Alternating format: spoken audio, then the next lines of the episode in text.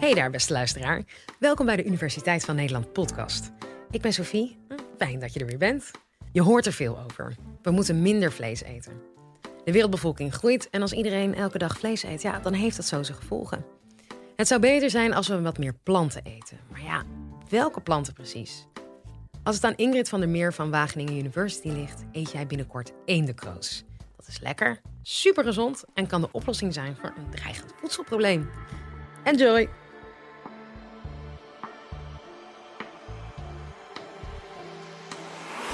Dit is de Universiteit van Nederland.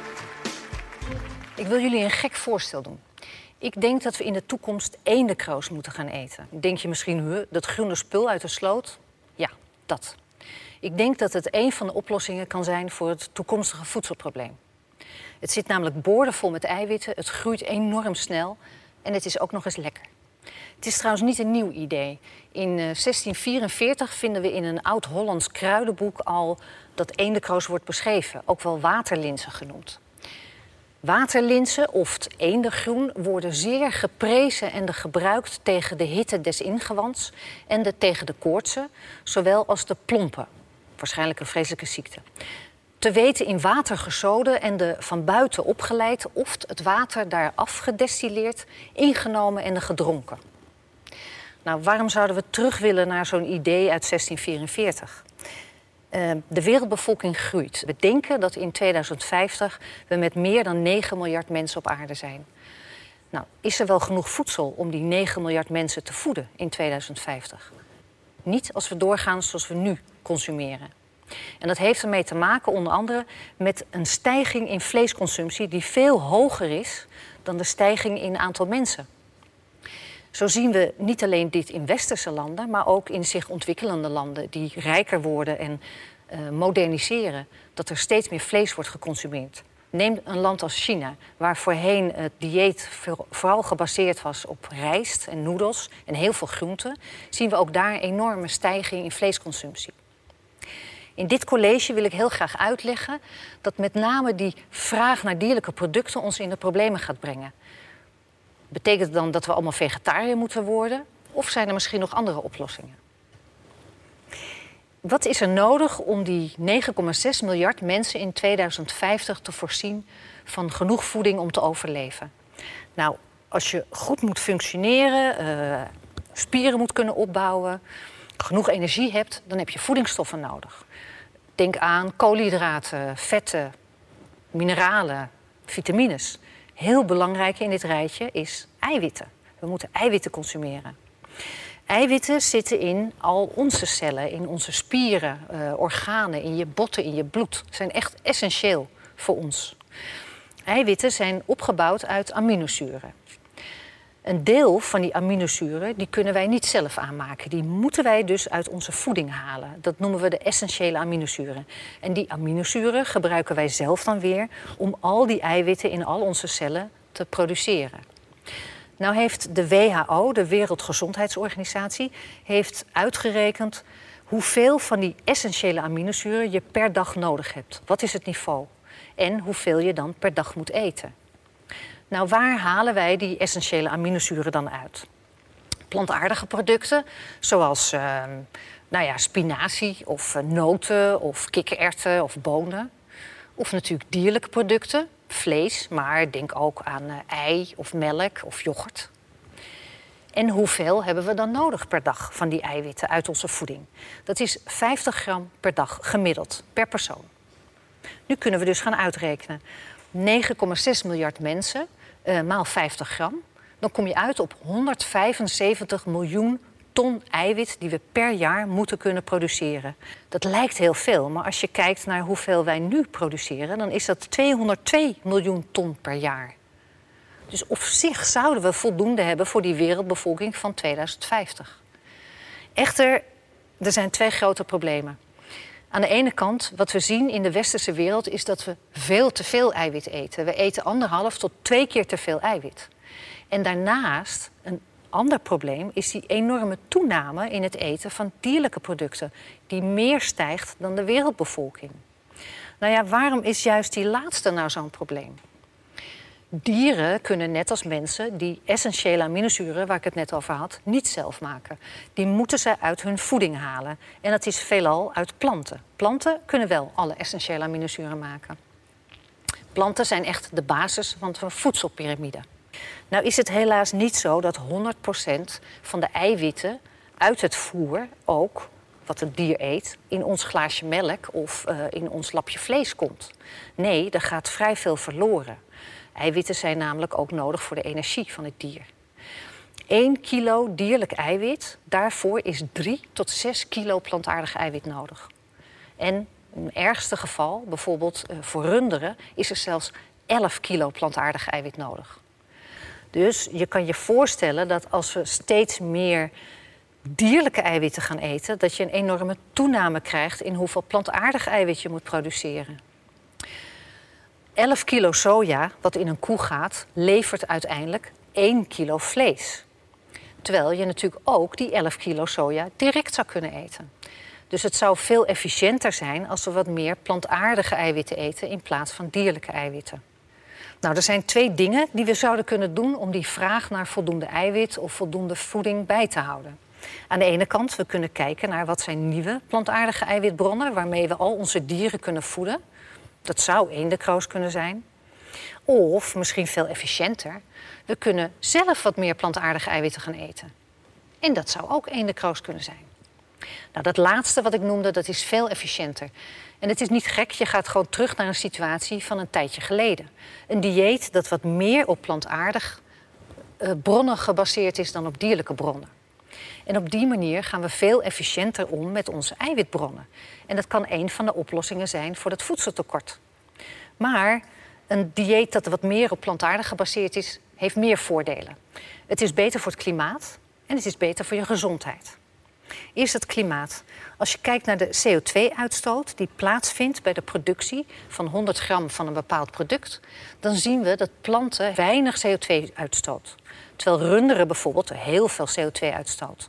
En dat heeft dan te maken met het landgebruik, het voer dat geproduceerd moet worden, de tractoren, machines, het verwarmen van de stallen, het transport van het vlees naar het slachthuis, het koelen van het vlees, het verwerken, het verpakken. Dat zorgt allemaal voor veel CO2-uitstoot. Dus op het moment dat we wat meer plantaardig gaan eten, is het beter voor het milieu. Maar het is ook beter voor de gezondheid. We zien in de westerse wereld een toename van wat we noemen de welvaartsziektes overgewicht, hart- en vaatziekten, suikerziekte en kanker. En steeds meer onderzoek wijst uit dat dit gekoppeld is aan het westerse dieet. Een dieet dat vooral onder andere ook gebaseerd is op veel dierlijke producten eten. En dat heeft eigenlijk helemaal niet te maken met die dierlijke eiwitten, want die zijn hartstikke gezond. Maar het heeft te maken met alles wat je extra meekrijgt op het moment dat je planten eet. Bijvoorbeeld vitamines die je in planten vindt, niet in dierlijke producten, mineralen, antioxidanten. Heel belangrijk zijn de vezels, de voedingsvezels, die vooral in planten zitten. En aan de andere kant, bij dierlijke producten krijg je juist weer heel veel vetten mee. En dat zijn heel vaak de ongezonde vetten, de transvetten. Nou, betekent het dan dat we allemaal vegetariër of veganist moeten worden? Nee, dat denk ik niet. Ik denk dat je nog steeds die dierlijke producten nodig hebt voor bepaalde stoffen die lastig binnen zijn te krijgen via planten. Bijvoorbeeld de meervoudig onverzadigde vetzuren die vooral in vette vis zitten. Plus dat je dieren juist heel mooi in kan zetten voor het verteren van allerlei dingen die wij niet kunnen eten of niet willen eten. Bijvoorbeeld gras of bladeren of snijafval. Dieren heb je echt nodig voor wat je noemt het duurzaam circulair voedingssysteem. Mest kan je weer heel goed gebruiken en je gebruikt natuurlijk veel meer van een dier dan alleen maar het lapje vlees. Nou, wat is nou een ideaal dieet? Dat is 40% gebaseerd op dierlijke producten en 60% op plant. Als je nou naar Europa kijkt en naar de landen in Europa, dan zie je dat de dieet eigenlijk andersom is. Dat we dus slechts maar 40% van ons hele dieet op een dag baseren op planten. Is het heel belangrijk dat we dus wat meer plantaardig gaan eten, maar dat we ook heel gevarieerd eten. Dus je kan niet alleen maar rijst of alleen maar cassave eten. Dat heeft ook met die aminozuren te maken, die essentiële aminozuren. We hebben nog steeds nieuwe plantaardige eiwitbronnen nodig vanwege dat aankomende eiwittekort. Dan gebeurt er wereldwijd heel veel onderzoek naar nieuwe eiwitbronnen. Er wordt bijvoorbeeld gekeken naar gebruik van algen en zeewier, meer gebruiken. Ehm, of insecten als nieuwe voedingsbron. En ik ben vooral heel enthousiast over waterlinzen of eendekroos. Ik doe hier echt al jaren onderzoek naar. En ik denk echt dat dit een hele goede nieuwe eiwitbron kan zijn, een nieuwe groente. Dan heb je misschien de associatie met sloot en denk je niet van oh, dat wil ik eten. Maar ik denk echt dat dit te gebruiken is als nieuwe duurzame groente, nieuwe duurzame eiwitbron. Het lijkt misschien een heel klein en onbeduidend plantje, maar het zit boordevol eiwit op drooggewicht. Het bevat daarnaast vitamines en mineralen. Het is echt heel voedingsrijk. En, heel belangrijk, het heeft een heel goede verhouding van die essentiële aminozuren die zo belangrijk voor ons zijn. Met al die bonusingrediënten. Wat nou echt een voordeel is van dit plantje, is de manier waarop het zich voortplant, waarop het zich vermeerdert. Dat doet het namelijk door te delen. Eén plantje splitst zich in tweeën, in vier, in acht, in zestien. Dat is exponentiële groei. En dat is anders dan een gewone plant. Als je denkt aan soja, dan heb je een zaadje, stop je in de grond, moet je een heel seizoen wachten, dan heb je meer zaden. Het volgende jaar kan je die weer in de grond zetten. Dat is een manier om te vermeerderen. En je oogst ook één keer per jaar. Maar bij eendekroos heb je dus die exponentiële groei, die, die continue verdubbeling. En die combinatie van dat het veel eiwit maakt en dat het dus maar door blijft groeien en dat je door kan blijven oogsten, zorgt ervoor dat je 6 tot 10 keer meer eiwit per hectare kan produceren vergeleken met soja. En dat is toch echt bijzonder, want dan heb je dus 10 keer minder goede landbouwgrond nodig om dezelfde hoeveelheid eiwit te maken. En daarnaast is het ook nog eens lekker. Um, dus als groente, je kan erover nadenken dat we het zouden kunnen gebruiken als een soort bladgroente. En wat zijn dan toepassingen? Nou, gerechten waar je nu bijvoorbeeld spinazie in doet. Uh, je kan er quiche mee maken of een pasta of je kan er soep van maken. Uh, maar je kan het ook zien als een soort sla. En in de toekomst denk ik dat je het bijvoorbeeld zou moeten kunnen kopen als diepvriesgroente, net zoals spinazie nu. Of misschien zelfs vers in een zakje. Maar helaas is het nog niet op de markt en ik zou het je ook niet eens kunnen laten proeven. Dat mag niet eens. In Europa zijn hele strenge regels voor nieuwe voedingsbronnen. Onze voedselveiligheid is enorm hoog. Er zijn regels, wetten die zeggen dat alle nieuwe voedingsbronnen die voor 1997 nog niet zijn gegeten, die vallen onder wat we noemen novel food regelgeving. Die mogen niet zomaar op de markt gezet worden. Daarvoor moet je eerst een dossier indienen bij de voedselautoriteit, Europese voedselautoriteit, met alle bewijs wetenschappelijk bewijs en technologisch bewijs dat je dat nieuwe product ook heel hygiënisch schoon kan telen. Dus niet op de sloot. Uh, dat er geen toxische stoffen in zitten, dat het goed te verteren is, dat mensen niet ziek worden, et cetera.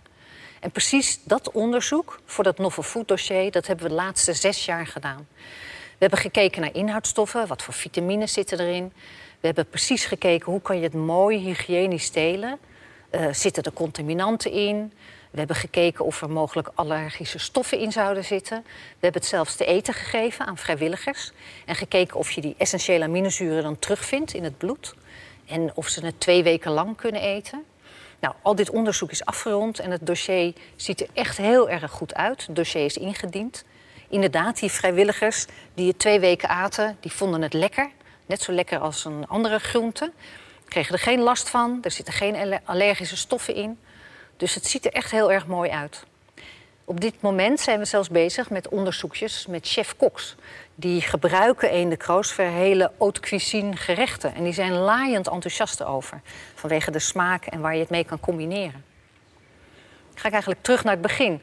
Gaat Popeye in de toekomst eendekroos eten? Nou, dat denk ik wel. En ik denk dat hij er heel gezond en sterk van wordt. Maar misschien belangrijker, ik denk dat dit kan helpen bij het dreigende eiwittekort.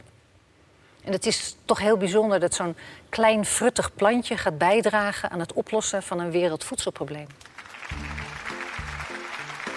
Wie weet, misschien hebben we straks allemaal ene op ons bordje. En vergeet je niet te abonneren op ons kanaal. Vinden we leuk. Volgende keer hebben we het over een belangrijke vraag, namelijk waarom word je sneller ziek als je te zwaar bent? Mijn naam is Sophie Frankemolen en heel graag tot dan.